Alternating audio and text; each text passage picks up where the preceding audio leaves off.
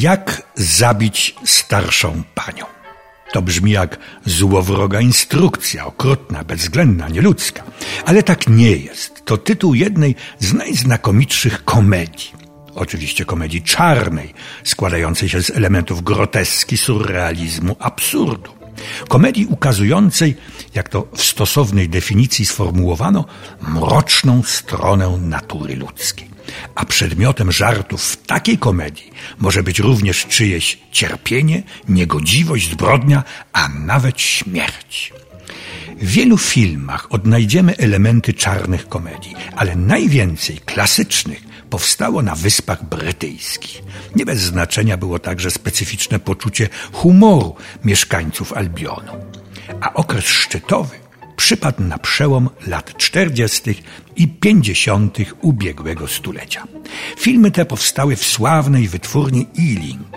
O jednym, szlachectwo zobowiązuje, już opowiadałem. Dziś o filmie, który zamknął tę złotą serię.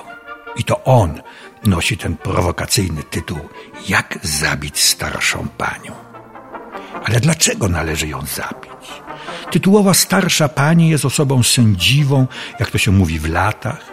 Mieszka w typowym londyńskim domku, majątku żadnego nie posiada, żyje skromnie i samotnie, jako że jej mąż, kapitan królewskiej marynarki, zginął był przed 29 laty na daleko wschodnich wodach. Pani Wilberforce doskwiera samotność, więc daje ogłoszenie, że chętnie wynajmie pięterko swego domku. Umeblowane rzecz jasna. I oto pewnego dnia zjawia się mężczyzna, nie pierwszej już młodości, o nieco wampirowatym wyglądzie. Przedstawia się jako profesor Markus i wyraża zdecydowaną chęć wynajęcia owego pięterka prosi starszą panią o wyrozumiałość, ponieważ odwiedzać go będą dosyć często jego przyjaciele i wtedy będą trochę hałasować. Są bowiem miłośnikami muzyki klasycznej, tworzą kwintet smyczkowy i regularnie ćwiczą. Pani Wilberforce jest zachwycona, bo i ona kocha muzykę nad życie. Wszystko wskazuje na to, że zapanuje tu prawdziwa idylla. Wprawdzie pojawianie się kolejnych członków kwintetu, ich wygląd i zachowanie, choć absolutnie nienaganne, budzi jednak zdziwienie, a może nawet niepokój.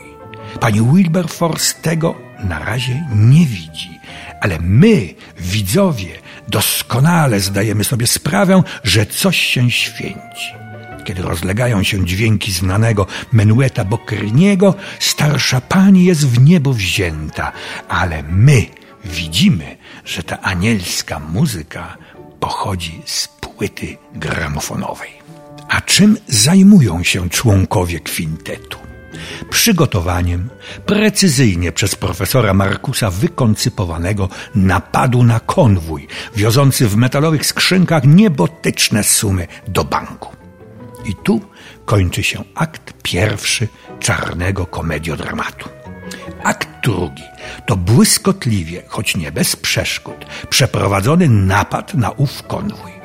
Genialność pomysłu profesora Markusa polega na tym, że poważną rolę odgrywa w nim sędziwa, ale pełna wigoru i dobrej wiary starsza pani.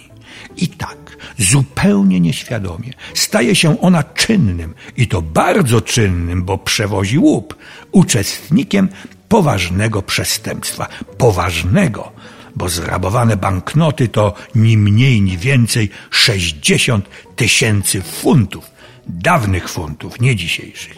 Koniec aktu drugiego. Akt trzeci rozpoczyna się tym, że pani Wilberforce, zupełnie niechcący oczywiście, powoduje, że w czasie ewakuacji, czy tej ucieczki muzyczno-przestępczego kwintetu otwiera się nagle futerał wiolonczeli i niczym kaskada wysypują się z niego niezliczone banknoty. Tym samym, jak to się dawniej elegancko mówiło, wyszło szydło z worka. Profesor Markus, bo on jest mózgiem całego przedsięwzięcia, stara się starszą panią okłamać, udobruchać, zastraszyć, w końcu zabić. Daremnie. Wszystkie próby spełzają na niczym. Zresztą pseudomuzycy nie są zdolni do tak haniebnego czynu. Co więcej, zaczyna pękać solidarność kwintetu. Jego członkowie po kolei usiłują dać dyla ze swoją albo z całą zrabowaną działką. Kolejne sceny przypominają finał Hamleta, to znaczy trup ściele się gęsto. Mówiąc krótko, panowie katrupią się nawzajem. Mówiąc krótko, panowie katrupią się wzajemnie, systematycznie i konsekwentnie. Na placu boju pozostaje starsza pani.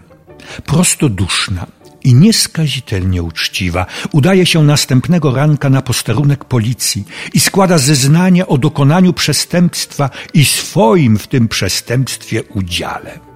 Ale któż jej uwierzy? Przecież dla wszystkich jest wzorem nieposzlakowanej uczciwości. A ponieważ znana jest też z pewnych dziwactw, policjanci traktują ją łagodnie, wyrozumiale i nie wierzą ani jednemu jej słowu.